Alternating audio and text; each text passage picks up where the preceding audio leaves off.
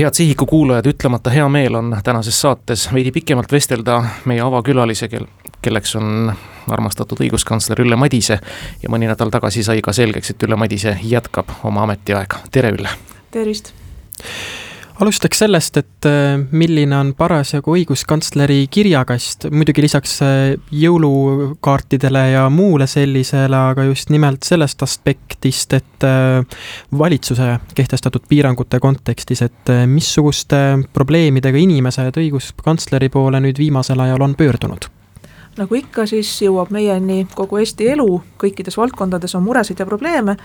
ja kui alustada mitte koroona teemadest ja võtta ette kas või see, mida viimane nädal on toonud, siis peale kohalikke valimisi ikka ja jälle tulevad kaebused selle peale, et volikogude komisjonides kiputakse jagama kohti niiviisi, et võitja või noh, valimiste võitjad saavad märksa rohkem, kui neile proportsionaalselt võiks kuuluda ja kuna volikogu liikmetele kohtuliku kaitse õigust siiamaani pole antud, siis otsitakse seda abi meilt ja eks me püüame aidata. ja veidral moel päris palju on relvalubade pikendamisega seotud kaebusi viimasel ajal, ikka ja alati laste jõulukontserdid sellel ajal, et kas neid tohib kirikus pidada ja kui nad on kirikus, et kas siis vanematelt tuleb nõuda koroonapassi või mitte. Ja loomulikult keskkonnakaitse teemad, energeetika, nii et, et kõike seda tuleb ja, ja sellega töötatakse.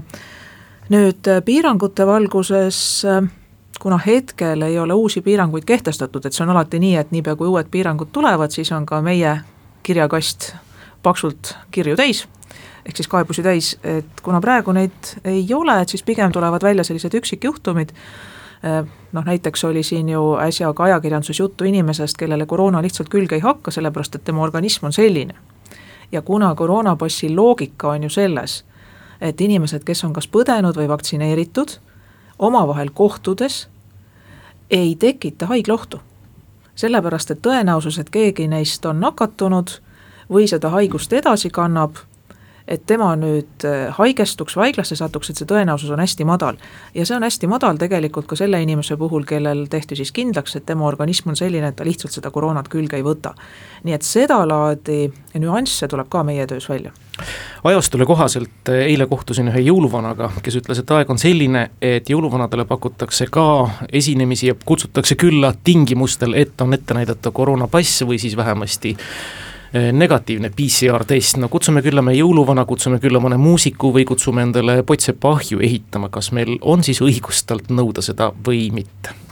eraõiguslikes suhetes võib kõiksuguseid reegleid seada, et on ju korduvalt seletatud sedagi, et näiteks äh, restoran võib kehtestada reegli, et tema võõrustab ainult neid, kellel on meestel viigipüksid, pintsak ja läikivad kingad ja naistel kaunid tualetid nii et kindlasti saab nõuda ka sedalaadi tõendeid, aga veel kord, praegu koroonapassi nõude mõte on just see, et kui omavahel kohtuvad põdenud või vaktsineeritud inimesed, siis tõenäosus, et keegi sealt tõsiselt haigeks jääks ja et sellest kohtumisest võrsuks kas otse või edasi nakatamise teel haiglapatsient, et see on lihtsalt üliväike kas äh, sellest viirusepuhangust tingitud piirangud ja ka erinevad nõudmised äh, on tekitanud ka niisuguse olukorra, kus ikkagi me kompame selliseid põhivabaduste ja õiguste piire? nii see on ja see on olnud ka õiguskantsleri ametkonna jaoks üks kurvemaid tähelepanekuid, et kohati tundub, et osa inimesi justkui igatseks sisimas tagasi vähemalt osaliselt nõukogude aega et kus oleks sissesõiduviisa ja väljasõiduviisa, ehk siis reisimine on igal juhul halb mõte, ja et justkui peaks tegema inimestele ka koju tagasipöördumise ka põhjendamatult raskeks ja tasuliseks, et selliseid soove näeme ja ja kindlasti on näha ka seda, et, et üleskutsed üksteist üles anda, üksteise peale kaevata, üksteist korrale kutsuda, et need on kohati tekitanud sellist vimma ja vastuseise, mida minu arvates pikas perspektiivis Eesti ühiskonnas küll tarvis pole. Ülle Madise, kui palju te olete pidanud aasta jooksul selgitama enda poole pöördujatele, et meil ei ole sundvaktsineerimist, ehkki paljud on selle praegu olemasolu, oleva olukorra selle just niimoodi tõlgendanud? ma usun, et selliseid vastuseid on välja läinud sadu. ja kordan ka siin, et Eestis kehtib seadus, mis ütleb, et ravi ja vaktsineerimine üldjuhul on vabatahtlik on väga vähesed erandjuhud. ja tööohutuse ja töötervishoiu seadus ütleb, et igal töökohal peab olema tehtud riskianalüüs just selle mõttega, et inimesed, kes seal töötavad, oleksid äh, terved, et nende füüsis ja vaim oleks kaitstud ja et need inimesed, kellega nad kokku puutuvad, enamasti siis kliendid, et ka nemad ei saaks nakkust või muul viisil kahju. ja kui riskianalüüs näitab, et inimeselt tuleb nõuda mõnda tervisetõendit või siis ka vaktsineerimist, siis põhimõtteliselt on võimalik see töötamise eelduseks seada ja eks me seal seletame, et kui tarvis, siis tuleb minna kohtusse selle sundvaktsineerimise teemadel jätkates, äh, näiteks ähm, Austria hakkab uuel aastal, siis veebruaris täpsemini, nõudma kogu oma elanikkonna vaktsineerimist siis äh, koroonaviiruse vastu. ja siin küsiks, noh, kuigi Eestis ei ole see selles mõttes teemaks olnud, et hakatakse sellist asja nüüd lähiajal küll nõudma, aga kui niimoodi analüüsida, et, et mida peab siis riik õiguslikust aspektist tagama, kui vaktsineerimine läheb kohustuslikuks? nii palju, kui mina tean, siis ka Austrias sellist seadust veel vastu võetud ei ole. Ja nende vaidluste tõsidust, mis seal toimuvad, ilmestab näiteks see, et päris pikalt jäädi pidama küsimuse juurde, kas trahvima tuleks hakata kaheteist või neljateistaastasi, kes on vaktsineerimata. ja siin juhin tähelepanu, et ka Austrias kehtib see põhimõte, et ka kaheteist või neljateistaastane laps peab ka ise saama öelda oma sõna vaktsineerimise kohta. nii et äh, siin on justkui kaks otsustajat, et ühelt poolt on lapse vanemad, kes samuti võivad olla omavahel eri seisukohtadel vaktsineerimise asjas ja siis on ka laps ise, nii et võib tekkida ka olukord, kus vanemad ütlevad, et tuleb vaktsineerida, laps ütleb, et tema ei soovi ja teda ei õnnestu ümber veenda, ega siis ei tohi vaktsineerida. ja kas nüüd on õiglane, et vanem maksab järjest ja järjest trahvi selle vaktsineerimata lapse eest? ja on võimalik, et asi on ka teisipidi, et laps väga sooviks, vanemad keelavad ja kuigi lapsel on õigus ka seal tõenäoliselt minna ise arsti juurde ja see vaktsiin kätte saada, on tõenäoliselt ka seal nii, et jällegi lapsevanemal on õigus teada saada, et see vaktsiin on tehtud. ja sellest võib tulla perest tüli nii et neid probleeme, mis sel juhul tuleb lahendada, on väga palju, et eks me saame näha, kas Austria selle seaduse vastuvõtmiseni ikka üldse jõuab ja kui jõuab, et kas ta põhiseaduslikkuse järelevalve seal ka läbib. ja siin lihtsalt sellise noh, eestlasliku või koguni vaata et rehepapliku otsekohesusega ütleks ka seda, et kui vastab tõele see, mida eksperdid hillitsetud sõnadega ütlevad ja Saksa tervishoiuminister Jens Spahn ütles julma otsekohesusega siis mõne kuuga oleme me seisus, kus kõik inimesed on kas läbi põdenud, vaktsineeritud või meie seast lahkunud. kui see asi on nii, siis järelikult vaktsineerimiskohustusega noh, ka ei pruugi siis enam nii kiire olla tegelikult neid näiteid ei tule üldse kaugelt otsida, meil on üks sarnase sisuga seadus olnud üks väga suur tüline objekt ja ma usun, et ka teie laualt käis läbi, see oli see seadus, mis lubaks alaealisel minna psühhiaatri või psühholoogi vastuvõtule ilma tema vanemate teadmata ma nüüd ei tea, mis selle lõplik lahend oli, mul ei tule hetkel meelde, aga kui palju sealt võib nüüd hakata probleeme veel välja kooruma? see oli sellel aastal üks meie maja vaates üks nendest lahenduse saanud juhtudest, et Riigikogu otsustaski anda õiguse ka alaealisel omal käel minna psühhiaatrilt kas oma sõltuvuse vastu abi otsima, kui see on tekkinud, või siis juhul, kui näiteks ta on peres vägivalla ohver, et ka siis ei pea tingimata mõlema vanema nõusolekut saama, vaid võib minna ka omal käel. aga loomulikult jääb kehtima see põhimõte ja õnneks enamik Eesti peresid on ju ikka sellised, kus vanemad väga hoolivad oma lastest ka siis, kui nad on juba viisteist või neliteist. et, et ikka tehakse need otsused koos ja et kui on peres kellelgi mure, siis ühiselt aitakse vajalikud ravimid võtta, teraapiad ravi läbida. aga et on kahjuks neid erandjuhtumeid, kus see noor ei saa vanematelt nõusolekut õigel ajal ja lastepsühhiaatrid meie ette selle probleemi tõid ja väga hea meel on, et Riigikogus see leidis ka lahenduse ja, ja siin eraldi kiidan Helmen Kütti, kes on sellistes asjades täiesti võrratu Riigikogu liikmeste eestvedaja. üks kui te siin mainisite kurja kätt ja inimeste ihalust ja soovi ette kanda, keelt kanda, pealt vaadata või, või vähemasti kahtlustada kedagi milleski, on ju ka NETS-i mis nüüd ka sel aastal vastuolulisena vist lahendi sai. kas NETS-i võib tekkida meil probleeme? Tõsi on, et osa muudatusi sellesse seadusesse tehti, et muuhulgas suvel sai seadusse säte, mis lubas näiteks maskikohustust kehtestada, et juhul, kui on tõendus, et sellest tõepoolest on kasu, aga terve hulk sätteid on praegugi vastu võtmata, nii et tundub, et minnakse uuele ringile ja väga loodaks, et selle käigus sünnivad arusaadavad ja õiglased normid seaduses eneses. et lõpeb mingis mõttes paratamatu olnud segadus, mis kindlasti tänasel päeval enam paratamatu ei ole, et pean silmas just seda, et meil on lehekülgede viisi piiranguid sisaldavat teksti, kus loed lehekülje ära ja siis järgmisel lehel korraga võid avastada, et aga tegelikult kõik see eelnev ei kehtigi palju te olete kokku puutunud enda töös noh, sellise olukorraga, kus ongi mingisugune õigustekst, näiteks mingisugune korraldus, olgu see valitsuse poolt või kust iganes, ja see tekst on selline, et äh, sellest on võimalik aru saada ainult siis, kui sa oled juriidiliste tekstidega rohkem kokku puutunud. Kahjuks näeb selliseid tekste iga päev ja ega ma täpselt ei teagi, et kust on see arvamus võetud, et õige juura on selline, millest keegi aru ei saa, et soovitavalt jurist ise kah mitte et äh, tegelikult äh, ei ole siin mitte midagi keerulist, õigusnormi saab ja lausa peab sõnastama lihtsas selges eesti keeles ja ei ole vaja üle abstraheerida. et näiteks üks kõige rumalamaid asju, mida noh, ma väga vabandan, esialgu peamiselt kommunikatsioonis on tehtud, on see, et öeldakse koroonapassi kohta nakkusohutuse tõend. mitte keegi pole minu teada kunagi arvanud, et vaktsiinid või ka põdemine kaitseb täielikult nakatumise eest. Pole kunagi nii mõeldud, see pole võimalik et tegemist on ja nii saab kirjutada ka õigusteksti, tõendiga selle kohta, et inimene on läbinud vaktsineerimiskuuri või teatud haiguse läbi põdenud ja siis on punkt. et tegelikult ei pea neid asju keeruliseks ajama, aga eriti ohtlikuks läheb lugu siis, kui normid puudutavad paljusid ja noh, küllap me õige pea, ma kardan, ma küll loodan, et nii ei lähe, siseneme taas vaidlusse selle üle, et kas tohib lihtsalt hirmu ajal lapsed koju saata koolist. või peab siiski tänases etapis, kus kõikidel soovijatel on olnud võimalik ennast vaktsineerida ja selle kaudu kaitsta raske haigusvormi eest, tuleb iga kooli kohta Terviseametil anda eraldi hinnang. et kas seal just sellel hetkel, kus seda otsust tehakse, on tarvis minna distantsõppele või ei ole tarvis, sest vaktsiiniga hõlmatus on nii kõrge, koldeid ei ole või siis kolded on näiteks hoopiski algklassilaste majas nii et ja seal, kui sa vaatad seadusi, siis see on nüüd täpselt üks valdkond, kus juhul, kui sa ei ole igapäevaselt haridusteema normidega tegev, meie majas õnneks on kaks-kolm inimest, kes igapäevaselt neid norme jälgivad ja väga täpselt neid tunnevad, siis ega sa ei loegi sealt välja, et millal on distantsõpe lubatud,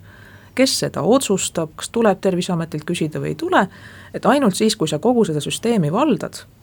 et siis sa saad aru, mismoodi see asi käib. ja tegelikult nii ei tohi olla, vähe sellest, et koolide juhtkonnad, linnad-vallad peaks asjast aru saama, ka lapsevanemad ja lõpuks õpilased ise peaks aru saama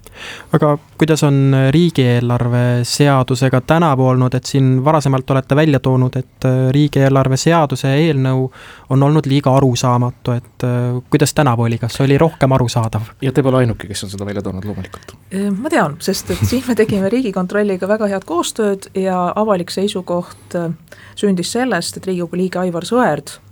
endine rahandusminister ja Maksuameti peadirektor, võttis teema üles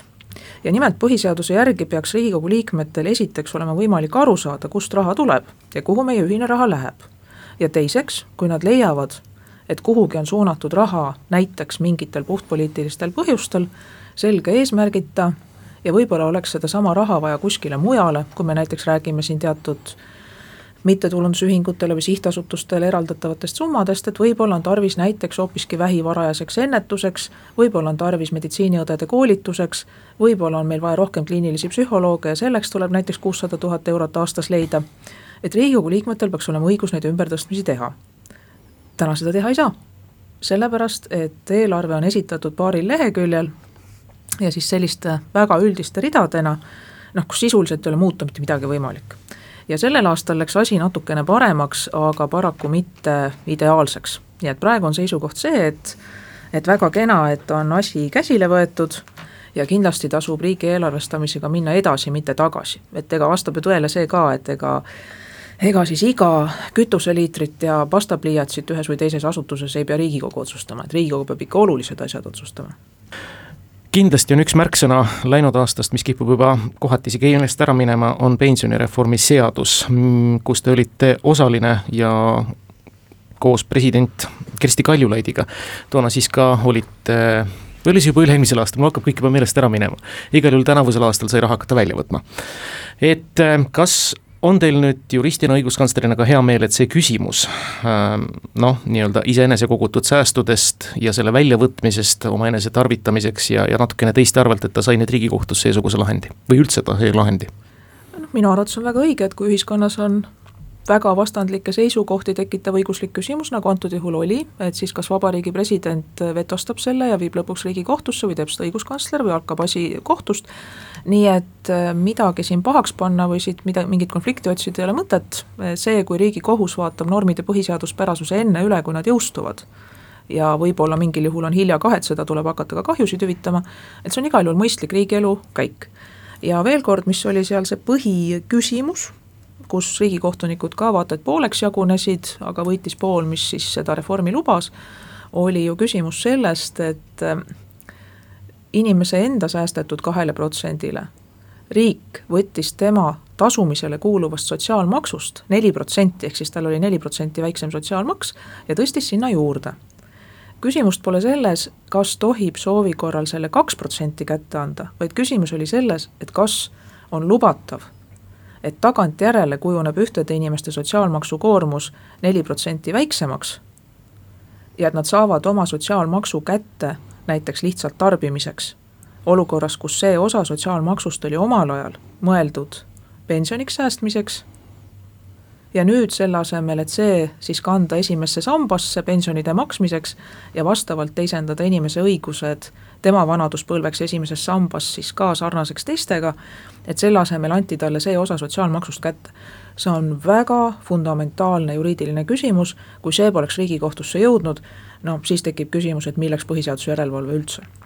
põhiseaduse järelevalvest rääkides ma palun teil nüüd kehastuda klassijuhatajaks, Ülle, mida te tegelikult olete ka, kuidas tundub teile selleaastane Riigikogu seadusloome kvaliteet? kunagi pole nii hea, et enam parem olla ei saaks. Et pigem ütleks seda, et loodaks, et Riigikogu seadustes langetab rohkem otsuseid ja paneb need ka selgemalt kirja, nii et saame näha, kuidas siis võimalikeks tulevasteks pandeemiateks, sest tõesti tahaks loota, et, et nüüd selle koroona niisuguse akuutse pandeemia olukorraga saame kevadeks enam-vähem ühele poole, et kuidas siis Riigikogu oskab sõnastada need võimalikud käitumisjuhised ja piirangud tulevikuks, et kas jällegi saab kirja üks üliabstraheeritud raam, millest mitte keegi suurt midagi aru ei saa, eesotsas Riigikogu enesega ja tegelik inimeste õiguste ja kohustuste sisu selgub hiljem kuskil mujal kuidagi teisiti, et ehk siis seadus on just nagu üks tühi pildiraam, kuhu susatakse mis tahes pilt sisse, et kas see läheb seda teed või siis äh, läheb Riigikogu tagasi sinna, et ikkagi nõutakse ka valitsuselt selgeid, konkreetseid, inimlikult arusaadavaid norme. Ülle Madise, olete olnud nüüd pea seitse aastat õiguskantsleri ametis, ähm, kas just nüüd koroonapandeemia ajal olete märganud, tunnetanud, et selle õiguskantsleri roll meie ühiskonnas on mingisuguse muutuse läbinud? et kui, siis ma ütleks, et ähm, niisugustes kriisides saab selgeks, kui oluline on sõltumatute põhiseaduslike institutsioonide olemasolu pean siin silmas nii õiguskantslerit kui eeskätt ka kindlasti kohtuid. ja ühtlasi saime võimaluse seletada, et õige jurist ei piirdu ainult formaalse normide uurimisega, vaid õiguskantslerit, kohtunikke ja kõiki teisi juriste, kes on mõeldud konflikte lahendama, ongi tarvis üksnes siis, kui nad võtavad kätte õigusnormid, teevad endale selgeks elulised faktid, nendevahelised seosed, vajadusel kaasates eksperte, olgu siis tegemist äh, kas terviseküsimusega, epideemia küsimusega, majandusküsimusega, julgeoleku küsimusega, asja sisu tuleb endale selgeks teha ja siis tuleb vaadata, et kas äh, otsused, lahendused loogiliselt argumenteerides, fakte ja teadust vaadates on põhiseaduspärased või ei ole, et see ongi õiguskantsleri töö ja tõesti, päris sageli tuli seda seletada, sest osa inimesi miskipärast arvab, et näiteks äh, piirangute põhjendatus justkui oleks äh, mõne teise eriala inimeste töövaldkond, no tegelikult see on täpselt see, mida just nimelt ainult äh, juristid saavadki teha. Ja huvitav oli ka see, et, et võib-olla esimest korda siis kuulsin õige mitmelt servalt, et et sõltumatus ei ole enam võimalik, et selles kriisis tuleb kindlasti valida pool, et sa pead olema kas kõigi piirangute poolt või kõigi piirangute vastu, no seda ma ei olnud enne kuulnud ja loomulikult kinnitan siinkohal, et niipea, kui õiguskantsler hakkab poliitilist poolt valima, mingeid avaldusi tegema, no siis äh, on see ametikoht küll mõttetu juba. Ülle Madise, kas teie maja kontrollkäikude osakond ikka lubati sinnapaika, kus on teinekord isoleeritud inimesed põhjusel või teisel?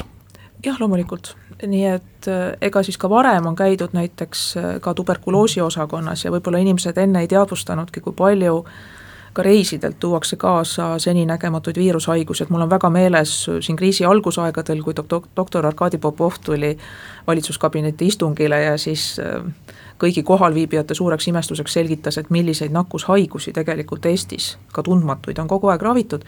Ja meie inimeste ülesanne on tõesti minna kohale sinna, kust inimesed ise lahkuda ei saa ja kontrollida, et kas need tingimused, mis seal on seatud, vastavad Eesti põhiseadusele, seadustele ja rahvusvahelistele kohustustele, nii et jaa, seda ei ole olnud, et, et kuhugi oleks keelatud minna, aga loomulikult on meie inimesed väga vastutustundlikud et see, mis asi on ikkagi korraliku kaitsevõimega respiraator, kaitseriietus Ehm, ja kõik muu, mis sinna juurde käib, et see on meie kontrollkäikude osakonnal väga hästi selge. ja lõpetuseks, kas me saame aasta kokku võtta tõdemusega, et üldjoontes on meil põhiõiguste ja vabaduste tagamisega kõik hästi? Selles mõttes küll, et äh, jätkuvalt on vabadus ja lausa kohustus alati kriitiliselt kõiki õigusi piiravaid otsuseid läbi vaadata ja vajadusel vaidlustada, ja Eesti on olnud päris mõistlik, meie inimesed on olnud mõistlikud ja seda ausalt öeldes sooviks ka edasiseks, tegelikult me peame parimas mõttes kokku hoidma ja ja oskama üksteist mõista. Et sellisel juhul me oleme igal juhul võidumehed. hoiame ka üksteist. aitäh teile, õiguskantsler Ülle Madise tulemast Kuku raadio stuudiosse ja kena pühade aega teile! kaunist pühade aega!